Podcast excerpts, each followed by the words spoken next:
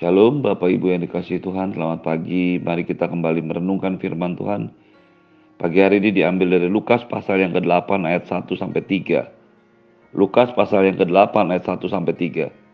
Perempuan-perempuan yang melayani Yesus. Tidak lama sesudah itu Yesus berjalan berkeliling dari kota ke kota dan dari desa ke desa, memberitakan Injil kerajaan Allah. Kedua belas muridnya bersama-sama dengan dia dan juga beberapa perempuan yang telah disembuhkan dari roh-roh jahat atau berbagai penyakit, yakni Maria yang disebut Magdalena yang telah dibebaskan dari tujuh roh jahat, Yohana istri Kusa bendahara Herodes, Susana dan banyak perempuan lain. Perempuan-perempuan ini melayani rombongan itu dengan kekayaan mereka. Bapak Ibu yang dikasih Tuhan, kita belajar sebelumnya bahwa Tuhan Yesus satu kali pernah didatangi oleh seorang perempuan berdosa di rumah Simon orang Farisi. Dan perempuan ini begitu mengasihi Yesus walaupun dia merasa dirinya juga adalah seorang yang berdosa. Sehingga ia membasuh kaki Yesus dengan air matanya lalu menyeka dengan rambutnya dan meminyaki serta menciumi kaki Yesus dengan minyak wangi. Apa yang dilakukan oleh wanita atau perempuan yang berdosa ini merupakan sebuah penggambaran yang sangat luar biasa tentang seorang yang mengasihi Tuhan. Seorang yang merasa dosanya banyak kemudian diampuni oleh Tuhan Seorang yang merasa bahwa kasih Tuhan yang begitu besar sehingga mengangkatnya, membalikkan keadaannya dari seorang yang berdosa menjadi seorang yang diampuni dosanya. Menjadi sebuah penggambaran berapa banyak, berapa besar perasaan bersyukur kepada Tuhan karena dosa yang diampuni dalam hidup Anda dan saya. Seberapa besar kita merasa dosa kita diampuni, seberapa besar juga kita melayani Tuhan. Menarik apa yang menjadi peristiwa ini menjadi latar belakang dari ayat-ayat yang kita baca pagi hari ini. Tidak lama sesudah itu, Yesus berjalan berkeliling dari kota ke kota dan dari desa ke desa memberitakan Injil Allah kita melihat sebuah lifestyle, sebuah pola pelayanan dari Tuhan Yesus. Dia berjalan terus berkeliling ke semua kota dan desa untuk memberitakan Injil. Apa yang dilakukan oleh Yesus merupakan sebuah tipe pelayanan yang juga harusnya dikerjakan dan dilakukan oleh gereja, oleh murid-murid Tuhan, oleh pelayanan. Bapak Ibu yang dikasih Tuhan, dari sini kita belajar bagaimana kita harus melayani Tuhan. Bagaimana kita harus mengerjakan pelayanan yang Tuhan berikan kepada kita. Bagaimana Tuhan memberikan contoh untuk terus bergerak memberitakan Injil ke semua kota dan desa. Tidak seharusnya kita berdiam diri dan tidak melakukan apa pun dalam hidup dan pelayanan kita. Tidak seharusnya gereja hanya menjadi tempat berkumpul umat Tuhan, tapi gereja harus terus bergerak memberitakan Injil. Dia disertai oleh kedua belas muridnya yang bersama-sama dengan dia. Ketika Yesus memanggil murid-muridnya dengan tegas, Yesus mengatakan akan membawa mereka, mengubah mereka menjadi penjala-penjala manusia, orang-orang yang selalu bersama-sama dengan dia.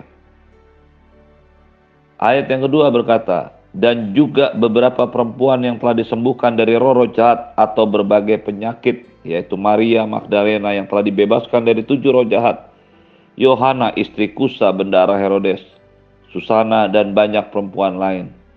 Hal ini menjadi menarik bagi kita untuk direnungkan pagi hari ini.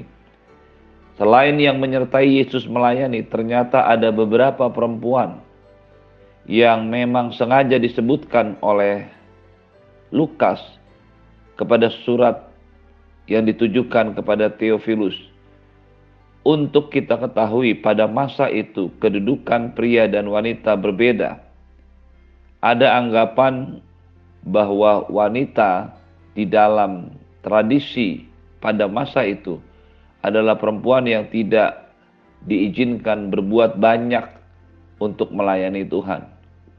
Tetapi apa yang dikerjakan oleh Tuhan Yesus adalah sesuatu yang luar biasa. Dia mengizinkan para perempuan itu untuk menyertai mereka dalam pelayanan. Hal ini menjadi sebuah terobosan baru bagi pelayanan para wanita sesudahnya. Memang ada beberapa wanita yang dipakai Tuhan namanya dalam perjanjian lama, dalam kitab Taurat untuk melayani Tuhan. Tetapi bagian atau porsi pelayanan mereka terlalu kecil, terlalu sedikit dibandingkan dengan para pria yang melayani Tuhan. Tetapi apa yang dikerjakan oleh Tuhan Yesus menjadi sebuah terobosan, sebuah breakthrough bagi para wanita bahwa mereka punya hak yang sama untuk melayani Tuhan. Para wanita ini Secara khusus Tuhan menyatakan adalah mereka yang telah disembuhkan dari berbagai penyakit atau dilepaskan dari roh-roh jahat. Maria Magdalena, Maria dari Magdala adalah seorang wanita yang dibebaskan dari tujuh roh jahat. Apa pun keadaan kita sebelum mengenal Tuhan, sebelum datang kepada Tuhan, tidaklah menjadi alasan atau hambatan untuk kita berubah dan bertumbuh, serta melayani Tuhan. Maria Magdalena adalah seorang wanita yang dibebaskan dari tujuh roh jahat yang menguasai diri dan hidupnya. Dan tentu saja penguasaan atau keterikatan roh jahat atas hidup seseorang bukanlah semata-mata kesalahan orang yang bersangkutan. Keadaan apa pun yang kita alami ketika kita bertemu dengan Tuhan tidak boleh dijadikan alasan, tidak boleh dijadikan pendapat untuk kita tidak melakukan apa-apa. Ketika Tuhan menolong, membebaskan, melepaskan, menyembuhkan. Ketika Tuhan mengangkat kita dari keadaan yang terpuruk, maka Tuhan memberikan kesempatan yang sama untuk hidup di, baru di dalam Tuhan. Dan ini yang dialami oleh Maria Magdalena, seorang yang dikuasai oleh tujuh roh jahat sebuah penggambaran tentang kelengkapan orang yang sangat berdosa, orang yang sangat berjahat, orang yang sangat tersesat, yaitu orang yang dikuasai oleh roh jahat, tujuh roh jahat. Tetapi ketika dia bertemu dengan Tuhan, hidupnya berubah. Dia tidak lagi terikat atau melayani setan, tetapi dia diikat oleh kasih kepada Tuhan dan melayani Tuhan. Luar biasanya Maria dari Magdalena ini adalah salah satu dari wanita yang juga akhirnya menjadi saksi dari kebangkitan Kristus. Menjadi saksi dari kematian Kristus. Apa yang dikerjakan oleh Maria Magdalena ketika Tuhan memberikan kesempatannya untuk melayani Tuhan. Dimanfaatkan betul. Sehingga dia berubah totally, total. Akhirnya dia bertumbuh mengenal Tuhan. Perhatikanlah frase kata tidak lama sesudah itu. Yesus berjalan berkeliling ke semua kota dan desa. Tidak lama setelah ia dibebaskan dari ketujuh roh jahat, Maria Magdalena memutuskan untuk mengikut Tuhan, mengasihi Tuhan, dan melayani Tuhan. Bahkan setia sampai pada akhir ketika Yesus mati di atas kayu salib. Dia tetap setia dan tidak meninggalkan Yesus, bahkan bersama-sama dengan para wanita lainnya.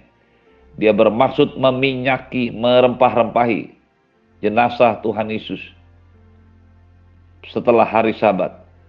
Dan karena kesetiaan dan kasih kepada Tuhan yang begitu besar, Tuhan memberikan kesempatan menjadikannya salah seorang wanita yang menjadi saksi dari kebangkitan Kristus.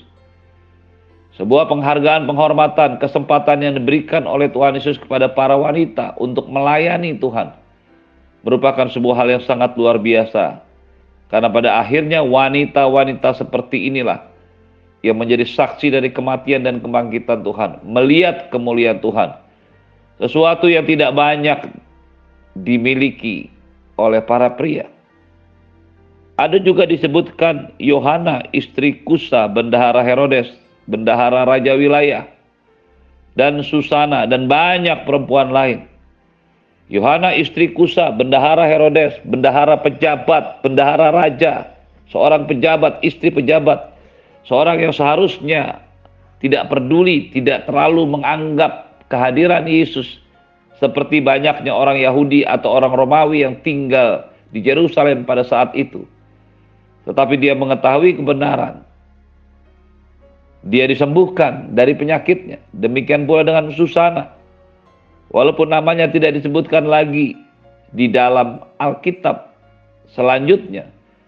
Tetapi beberapa tradisi Kristen menyatakan apa yang mereka berdua, apa yang wanita-wanita ini kerjakan untuk melayani Tuhan.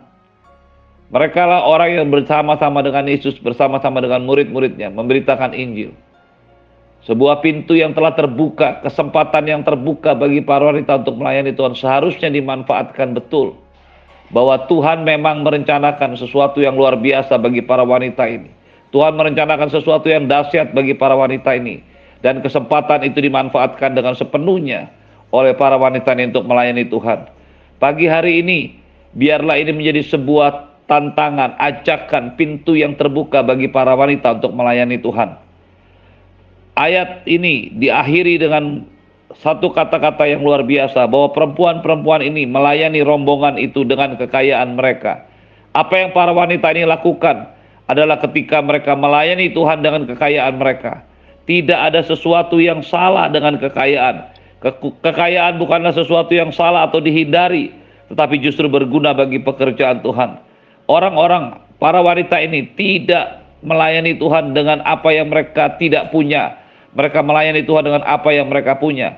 Wanita ini melayani Tuhan bukan dengan sesuatu yang tidak mereka miliki, bukan dengan bukan seperti para murid lainnya. Mereka melayani Tuhan dengan kekayaan mereka dan kekayaan inilah yang akhirnya dipakai untuk melayani Tuhan.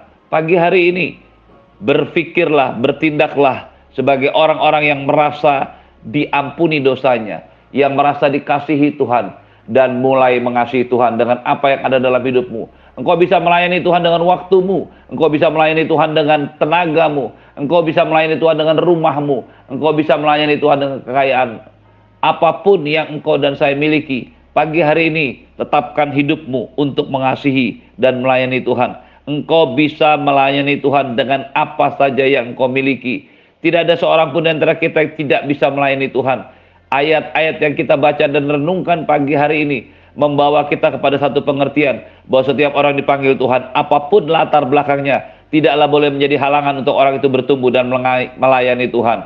Dan yang berikutnya, kita belajar bahwa ketika Tuhan memberikan kesempatan kita melayani Tuhan, maka kita bisa melayani Tuhan dengan apa pun yang engkau dan saya miliki. Dan yang terakhir, kita mengerti bahwa pada akhirnya tidak ada seorang pun dari antara Anda dan saya yang dibebaskan dari sebuah kewajiban untuk melayani Tuhan, kewajiban yang dilandasi oleh kasih, oleh pengertian bahwa kita adalah orang-orang yang disembuhkan, dilepaskan, ditebus oleh darah Yesus dan kemudian kita melayani Tuhan. Semua orang percaya yang sudah mengalami kasih karunia, anugerah Tuhan haruslah orang-orang yang meresponinya bukan hanya dengan percaya kepada Yesus tetapi juga dengan melayaninya.